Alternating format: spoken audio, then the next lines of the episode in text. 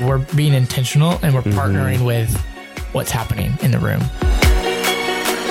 You're listening to the Pro Status Podcast.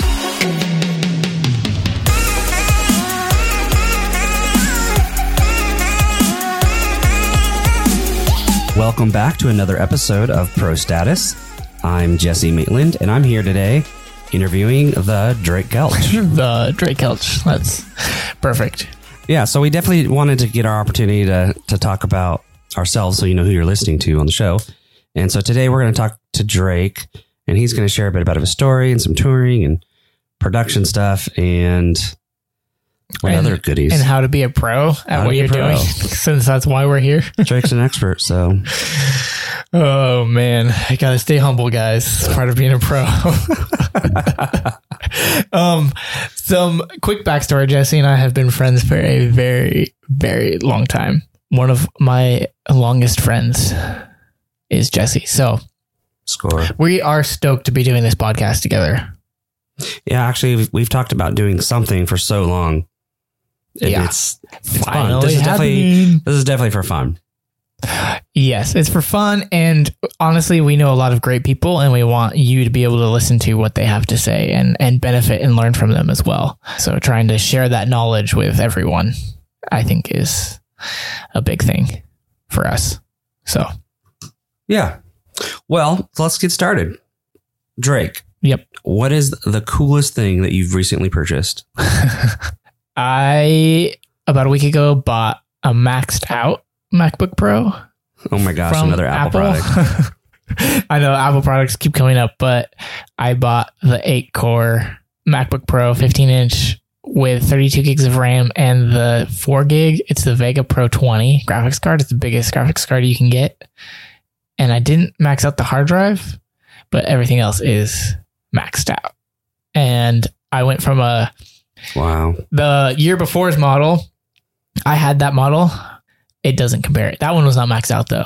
I just had like a basic So you're saying it's actually worth the upgrade? Oh, absolutely. Going from a quad core MacBook Pro with the standard graphics card with the two gigs of video RAM and 16 gigs of RAM, great laptop.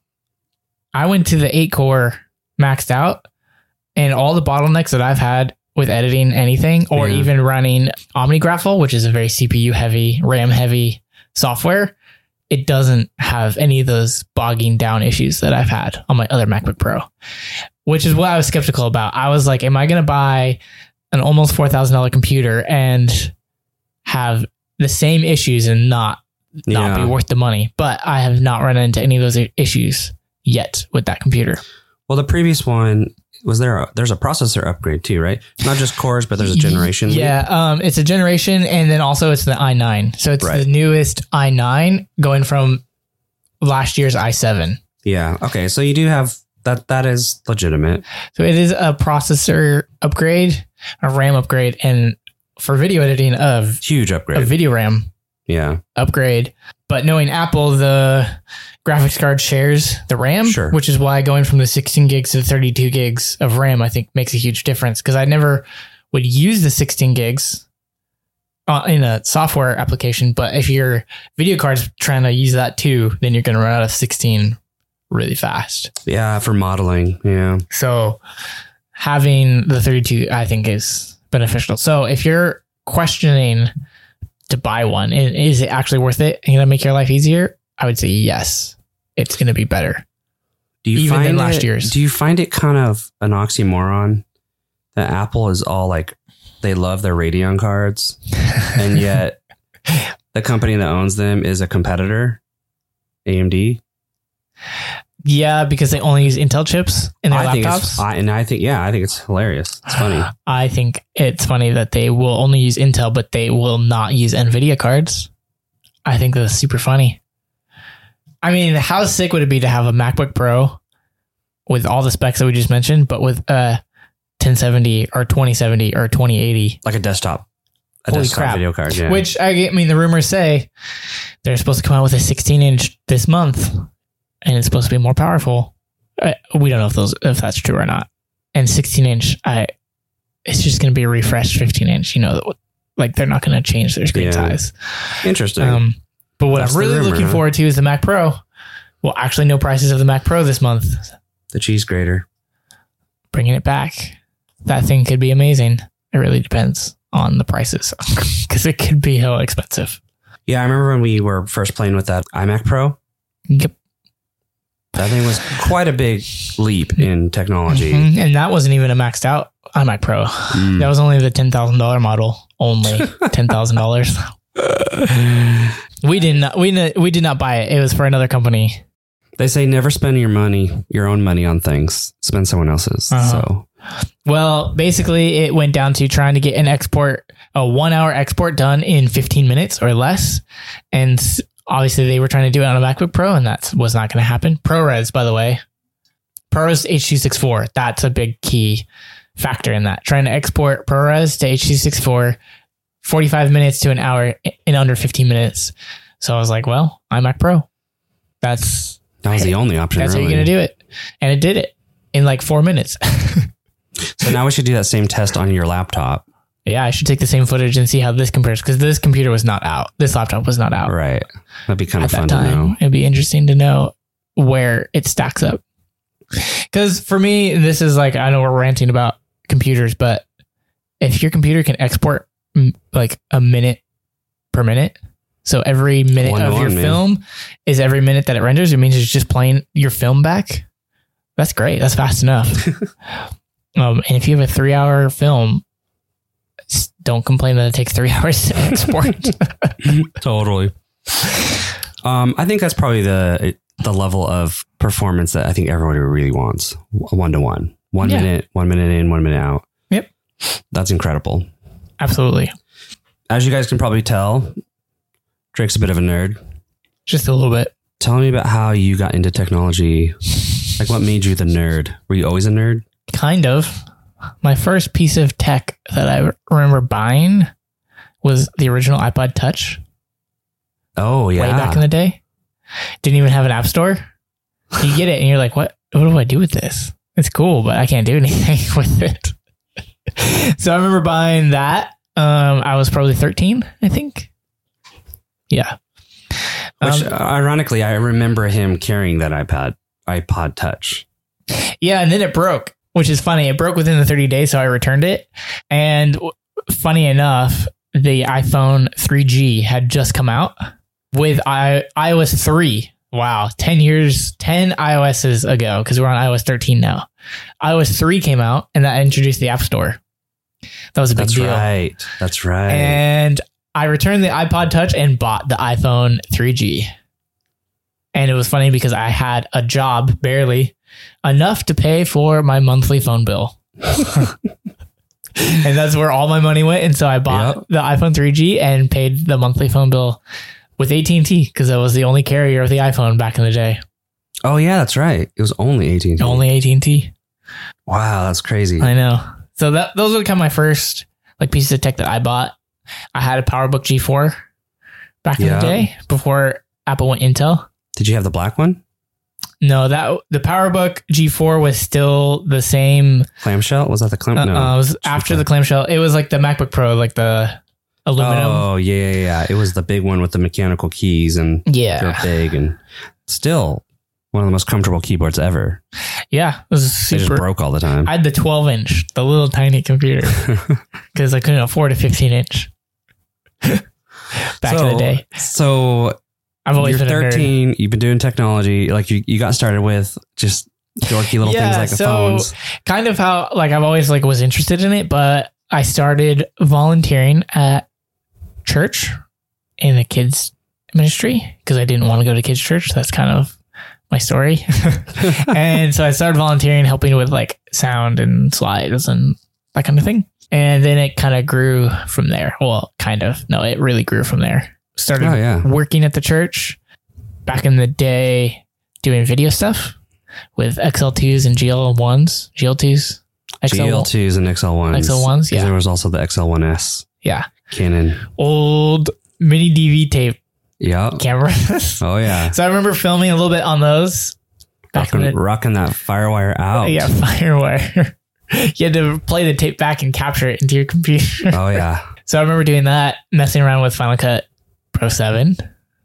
six and seven, I think was out at that time. Mm-hmm. And then actually got hired for reels to do sound at Bethel. That was like my first real, real job.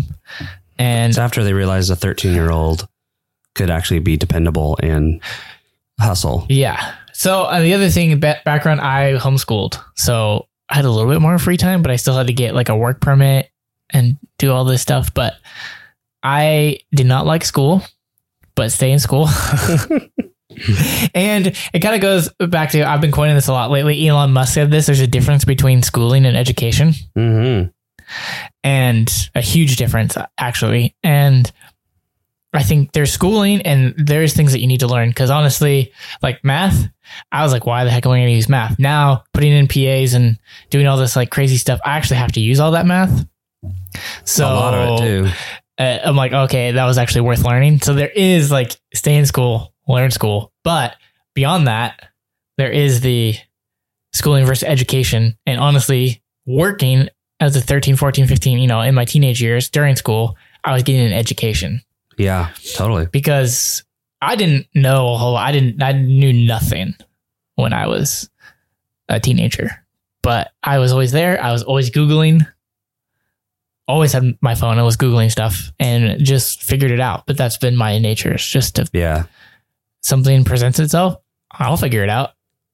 That's that's awesome. how I've done it. So that's kind of where I started way, way back. Hmm. So fast forward. Yep. You are now. I am now the production manager for Bethel Church. So I oversee all audio lighting video in a live in the live setting. Everything live that happens in the room falls underneath my umbrella now, which is crazy to think that I started as a 13 year old and now I'm 24. So 11 years later, That's wild, man. That's crazy. now I'm overseeing it. And it, it's crazy to see the teams change because I've seen like everyone transition in and out of their jobs. Yep. And a lot of them are still in Redding and we're still friends, but they're not all on the team. And now this team is way different, but they're awesome. Like Yeah. Everyone's a pro and everyone knows what they're doing. And it's really cool to see it all change and actually be a part of it in the area that I'm in right now. Absolutely. So what do you I guess there's probably some things that we could learn from there. So what's a main turning point Mhm. of something? So an example of something that took you from just being the Sunday 13 year old to an actual professional. okay, I think it was 2015 or 2016. 2015, I'm pretty sure. I got asked to LD Bethel Music's tour Yeah. with Martin Smith. And to be honest, I had no clue what I was doing. And I always like I have Clint to thank for that because Clint All was the production manager and he asked me to do the tour. He also probably knew that I had no no clue what I was doing, but he did trust me enough to know that I would figure it out yeah. and went on that tour and had to figure it out.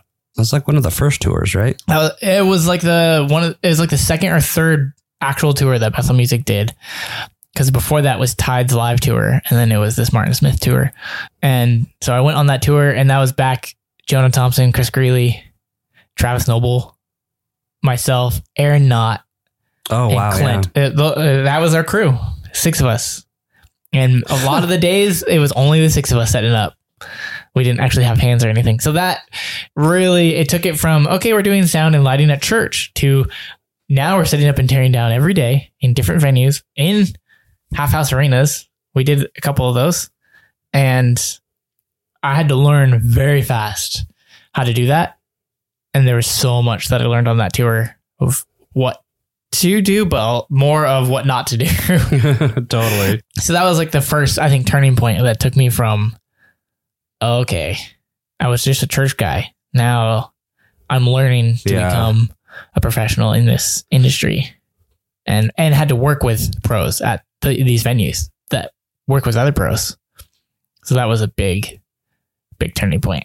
I would say from there, it was honestly the next tour that I went on because we partnered with Solotech and I wasn't, that was the first tour I LD'd and I didn't LD another tour for a long time because we brought in Ed White. And honestly, that those tours, but that first tour, I learned so much from Ed, Ed White was a big deal. from Ed White, and honestly, in the Solotech guys, because we partnered with Solo Mhm. Tech as our rental house, and those guys are so smart and have been around. If you don't know who Solotech is, they do all the big shows, Tours. tours, Beyonce, Justin Timberlake, like big, big shows. Yep, they're they're big too. They're based in Canada. Yep, and they have an over. office in Vegas, and that's who we partnered with. And some of the guys that came out on that tour with us are incredible, and are they're the ones doing Justin Timberlake tour and Beyonce tours and, and stuff like that. yeah, and, there was and, Ethan, Max, and um, H. H. Yes, The three those- three toured with The us a lot, amigos. and uh, and then Ed White, of course. I learned a ton from Ed, and he's probably the best LD around still. Mhm. he, he's incredible as a lighting director and so being able i was able to learn from him even though i was running content and an led wall tech at that time so got to learn from him and, and learned how one how to do lighting from watching him but also how to pair content and lighting together and what that really means and how to be intentional i think How to think about the entire room and not just absolutely what looks cool. Yes, it, it went from like we're just doing this to look cool to we're being intentional and we're Mhm. partnering with what's happening in the room and learning to be very intentional. And at the time, I was being stretched too because I was creating all the content and running it, and Yeah. I didn't know what I was doing, but I just pulled more and more and more stuff and filmed more and more and more stuff and started putting it in Resolume and adding filters to it and it we don't use any of that anymore because it looks so bad. Oh yeah, actually, But- fun story. Yeah. We I remember we went to shoot content. We bought a brand new GoPro. Never used it. And we're like, oh, we're going to shoot some waves. We're going to put it on the beach and we're going to let the waves kind of rush over it and it's going to look awesome. And Yeah. I and I was like, make sure you tie a rope on that thing because no matter what you do, that thing's probably going to get taken out. Didn't put a rope on it. One wave later, that thing was gone. 400 bucks. We never even saw the footage from it. Someone probably has that GoPro though. Oh, it's That's probably the still there, thing. honestly. It's probably just chilling at the bottom of the the ocean. sand. Who knows? The tide could have gone out. It could have been sitting there and someone picked it up. Never know. I would hope, honestly. I would hope, I hope someone, someone, got, got, it. some use out of that thing because we didn't. Um. So yeah, those were very stretching and growing moments. And honestly, I tell people this all the time. Like I'll see someone in the tech world and they're they're learning and growing. I'm like, you need to go on tour. Mm-hmm. And there's so much that you learn from being on tour. You learn how to be fast. You learn how to be efficient. But everything has to be detailed Oh, yeah. and it has to work the first time. And you learn how to listen to authority as well. And then you there's a lot of oversight. Like It's like there's a boot camp. there's creative professionals. There's your your touring manager, your creative producer, your production manager. There's a lot of voices happening. You have to make the show go on. And then when there is a problem, you can't you cannot not have a show. If that makes sense. Oh, yeah. oh, yeah. The show has to happen. And it has to be top notch. And there's been very close calls where it's like 5 p.m. doors are supposed to open and the LED wall's not working. And you're like, wow. what are we going to do? And somehow we've always had a show and everything's always worked. So I would say all of my learning, most of my learning and experience came from touring. Also, I want to throw this in there touring is not glamorous. Yeah, definitely. People are not. like, oh, you get to travel around the world for free or get paid to travel around the world. Yeah, but I work from eight in the morning till two in the morning every day. Yeah, oh, yeah. Six hours sleep is a good night. Yep. And you get a, a day off every now and then. So You don't, you it's- don't see daylight sometimes. No, for, you're sleeping in a tiny bunk yep. and it gets either On a bus. super cold or really hot, depending on who's on the bus, and it kind of stinks, and there's not a lot of room, and you have no private time. Zero. You're always with Even- people. Half the time you're showering with people. So Yep. You gotta literally no private time. so yeah, touring's not glamorous, but you learn a lot really fast. And I, know, I know I learned a tremendous amount when I was out. That was amazing. and most of the guys that I work with would say the same thing. When they started touring, that's when they started learning. And you take, for example, Chris Greeley. He's been touring since he's 14 and he's 30. 34, 35 now. Yeah, because I think Chris and I are 10 years apart. So way more experience. I didn't start touring until I was 18. So I think I would love some pro tips on some things. All right. So you were accomplished at a very young age, and you still are. Um, you're a production manager of a very large department, and you do a lot of events. I mean, do you know do you know the number of events that you do in a year? No, it's not in the triple digits, but it's in the high double digits. It's like 60 Yeah, plus a year. If you count all of the small ones too. yeah, the small ones, and then But we have about nine flagship conferences mhm, events that I do, and by that I mean plus two thousand people, like Yeah. two thousand or more people usually, Yep, that's about right. and two of those are like six thousand plus people conferences. So somebody listening and they're like, wow, this guy is super young, super successful. There's definitely something to learn there. Right? Like you you've got to have some wisdom Mm-hmm. for these guys.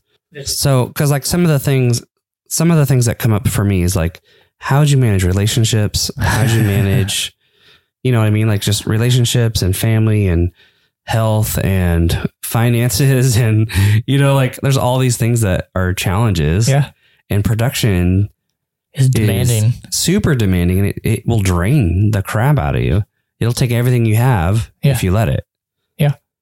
And so how do you hustle and still maintain some sort of a normal life? Uh huh. And then like, cause you know, if you let it drain you, you're, you're not being a pro, like something sacrificing, you know? Well, I mean, yeah, I have a few things that I can mention about that.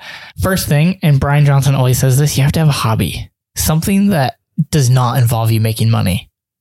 Hmm. Like you have to have a hobby. And I really took that one to heart, even though sometimes I don't always have a hobby. I kind of drift in and out of hobbies, which is fine. But you have to have something that you do that doesn't make you money, that you're not searching for money. that's really good. And one of those, and this might sound funny, but this is a way to have, I think, a re- relationship and also a hobby for a while, for several months. I- haven't played in a long time, but I was like really into a couple games on Xbox. And Mhm. that's what my hobby was. And I know it's like, you don't want to play video games, but like I had something to where I'd go home at night and I'd sit down and I'd play and it was not Yeah. making me money. It was just a way for me to chill. And honestly, I would play online, so I'd play with other people. So there's a little bit of that online community thing. And most of them I knew. I knew these they're friends. Yep. Or in our own house, like we'd split screen and play four of us together. So there is that. Like I think you do need to have a hobby, something that refuels you that you're not stressing about. This has to be a product. Because most of my hobbies turn into work or a way to make money, or I want them to make me money. So there's that. I think that that's like a key thing as a production person. You have to have that. That's great. Yeah. Um, that's awesome. I think managing time, like, so now I'm married and I have a one year old.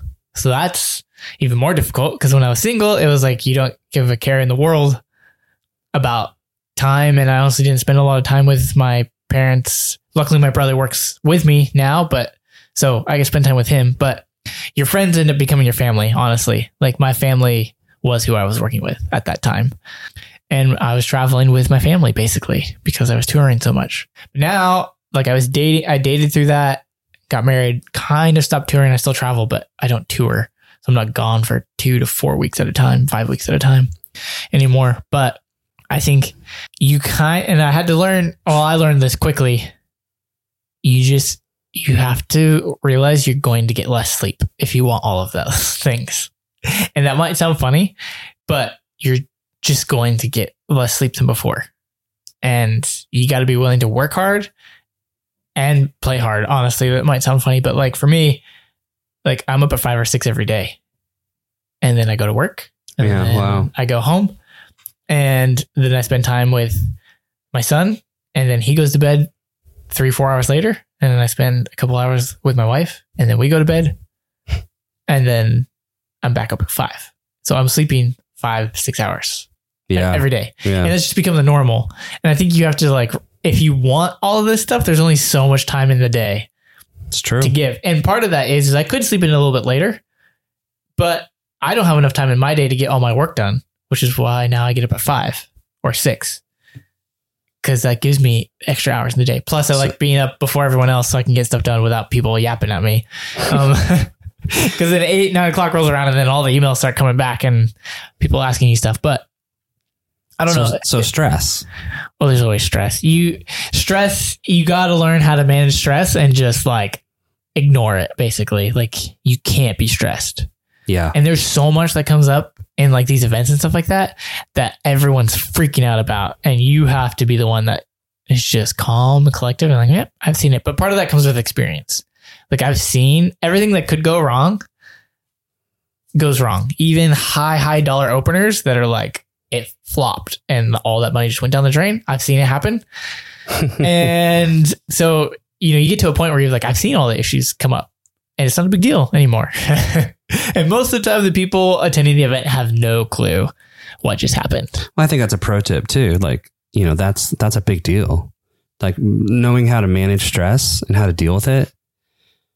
Like we set the tone, Oh, yeah. you know, and if you bring stress into the situation, Everyone's stressed. And Everyone's honestly, stressed. you set as a leader, like talking to like production managers or tech directors right now, like your stress, your what you bring to the table affects your entire team. So if you're stressed, the rest of your team is going to be stressed. You have to be the one that's calm and collected yep. to be able to bring that calm coolness to your team. I, I had somebody tell me once that stress is an emotion. Mhm. And once I realized that, I was like, oh, I can master my emotions. Oh, absolutely. And so once I realized it was just an emotion, when I felt stressed, Mhm. I would just go, oh, it's okay. It just feels Yeah. stressful. It doesn't have to be stressful. And that, like, that for me changed everything. And I think another pro tip would be have someone that you can talk to. hmm because you have to release it. Because honestly, Justin and I do events all, all the time, and there'll be something where I am so pissed at that happened during the event. I'm like, why did that happen? I never talk to my team about it. Wait, I might bring it up as like, hey, let's fix this, but it's a different type of me bringing it up. But I will be furious that I saw like what I saw or something like that. But usually that's I go talk to Jesse and we go around the corner, we go outside, and I'm just like, I kind of release a little bit of that Yeah. but it's just Jesse and I having a conversation, but we have a great relationship that we can have that conversation and he's understanding and we like talk through it. So I would say pro tip, have someone that you can talk to That's in, awesome. in that way that you have a great relationship with and you know, I, if I'm saying it to Jesse, he knows I'm not like letting it out on him. He Mhm. knows that we're just having a conversation and I'm saying exactly what I'm thinking. And honestly, with that, going back into your team later and Mhm. being like, all right, let's address this. Having someone else that knows how you feel that can also offer input into it Yeah, is absolutely. super beneficial because I'll say something and then Jesse will be able to chime in and actually be like, this is what Drake actually means. and So it, it takes what you was something stressful and a trigger, and it actually gets turned into a teaching opportunity to bring people up to a higher level, Yeah. right? You're like you're challenging them to grow with you, Mhm. and leaders pull people up. Like we we lift them up. Mhm. So I think that's incredible. yeah, I think it's necessary if you're in a position like this. Yeah, absolutely. I would say another pro tip, and it might be a pro tip to get to this spot. I always find a way to say yes Oh yeah, absolutely. to what's happening or what they want to happen. And there are some times where it's like, technically, it's not possible. Like, you just can't do it. And that's okay. Like, be like, uh, we What have, can we do? We have to, you know, whatever. I, I can't think of an example right now, but there's sometimes where it is, but finding a solution. So not just saying Mhm. no, like, sorry, I can't do it. It's like, oh, we can't do exactly that, but we could do this. Does that work? Those types of things. So always finding a way to say yes or have another solution. Also, coming to the, to the table with a solution, I think is like, you always have to come to the table with a Oh solution. yeah. I actually Um, have a rule. I don't ever bring a problem to anyone's Yes, attention that's what I was trying without a say. solution. Yep. Yeah. never bring a problem to the table without a solution. That's exactly what I was trying to say. So those are kind of some tips because like I've worked with several tour managers and other production managers and and different bosses over the years and right now I have like five bosses. It's just how it is. you. And they're all going to ask for something different, but they're going to catch on that Drake makes it happen or whoever you're working, you know, you, you make it happen, that type Yep. of thing. Yep. So it's just one of those like pro tips I would say is like, you're working for them and it's your job to make it happen. So let's talk about what happens when it doesn't happen. right? Yeah. I mean, there there are times where it doesn't happen, but it's building that relationship with that leader or that boss. And like we've I've had to bring this up before where we're trying something new and I brought it up to the leader who was over that and I was like this I'm concerned and I just told him straight up I'm concerned that this is going to be a flop. Not going to lie. And I'm willing to go all out and we're going to do it, but just to give you a heads up, it could flop. so it's being able to have that conversation with whoever is your boss or your superior or leader that it's that vulnerable, brave communication. Like, hey, we're gonna do it and we're gonna go all, all in, but it could fail. You yeah, know? and and you know, for people out there, brave communication that means like being willing to care enough about the person Mm, to to be honest, absolutely. Yeah. right? To tell them the truth, even if it isn't comfortable, mm-hmm. because you have value for them and you want the truth. Yep. Right. So The beauty of that is having those conversations is when it does succeed, everyone's like, yes, even more pumped than before. yep. But if there is that chance that it could fail and it does fail and you've had that conversation before, it's like, oh, okay, we tried. We know that the guys are trying their best and it failed and we can learn from our mistakes and we're going to move on. But if it's like you didn't have a conversation at all and you knew the whole time that it could fail and then it failed, then your boss or your leader is going to be, what, what happened? You know, they're going to come at you, not at you, but you know, they're going to come to you and be like, what, what just happened here? Yeah. Why did this fail? And it it's harder in the long run, but it's way easier just to have the conversation up front. Like what I said, like it could fail, but we're gonna do it. So it, Yeah. it that's kind of one of my tips is like just have that conversation with whoever you are, which means build that relationship with your superior or your boss or your leader. Because now all five of my bosses will text me all the time, so it's it's more of like not as boss like relationship, you know, boss employee type of relationship. It's just like Yeah. it's we're talking so, all so the if time. you so if you're somebody if you if you're somebody who has uh, leadership over you Mhm. and they're always just fearful you know what i mean like yeah. What it if? could be an indicator that there's a cultural problem either in your personal relationship or its culture Mhm. and perhaps that's something you want to look at like Yep. you know and that's what's interesting is like we're not just technical people like we are leaders like a pro Yeah. that is pro status right like you are the leader you are in authority Mhm. you make things happen and you set the tone And what's crazy is, I mean, you're always a leader, no matter what position you're in. You can always Mhm. lead in that position. And I had to remind myself of that. And it's only been a year and a half that I've had this job title now to where I'm actually, everyone's looking at me as the leader, but I had to learn how to lead just being the LD or being the video director or what, you know, whatever job title I had because I went through so many. I was still leading in that position, you know. oh yeah As a leader, I will say this get to know your team. Like, you need to know the team that's working for you. Mhm. Um, yep and part of that, like, I struggle with that because I have almost 40 people, 32 people underneath me. So it's close to 30, but I have 32 people that employees that work for me. If I were to meet one on one with them once a month, that would be my whole month. That would take a whole week. Uh, you know, like that's a lot of people to sit down and have a one hour or 30 minute conversation with. But you do have to get to know your employees. And I will challenge, I, I mean, I challenge you as a leader to get to know not even just your employees, because this could translate to anything volunteers, your team, whatever that is. Like, you got to get to know them more than just oh, at work. Like, you Yeah. have- You have Oh, to yeah. get to know them and show that you care. Bring that, that gratitude into your work environment. Always be grateful for what they're doing, no matter what it is. It will change what's happening in your environment by being grateful 100%. But it's just showing that you care. yeah that's really good I think it boils down to that. And like with me, I have like uh, well, I have 32 employees, some of them I work with every single day and we talk all the time. So I'm, I already know them. So they know I'm not going to schedule a one on one with you because Yeah. I don't have to. We talk every day. Then there's the other ones that I don't see every day. And, you know, I have to make sure, I have to challenge myself to be intentional with them. Yeah. And, and honestly, you will reap the reward of that, of being intentional with everyone if you can. Yeah. And I think, you know, there's definitely an investment side there, but the freedom you have to to just ask, to ask for more from them, right? Yeah. To challenge them. Mhm. You have access to them so that they can bring you something new or offer something creative or, you know, just now they're going to be bringing you your best, their best.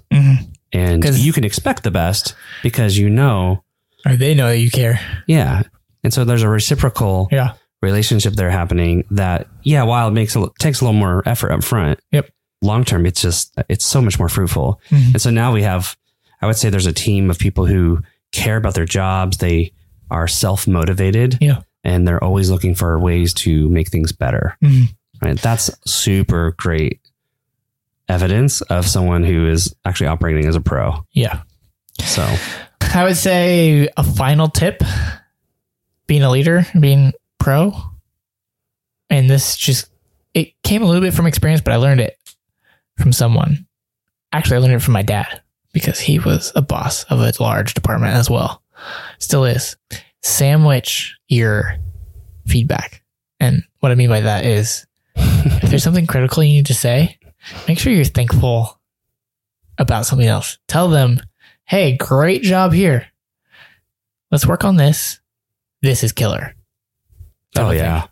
Like, don't every time you speak have something critical. Like, every time you speak, it be critical.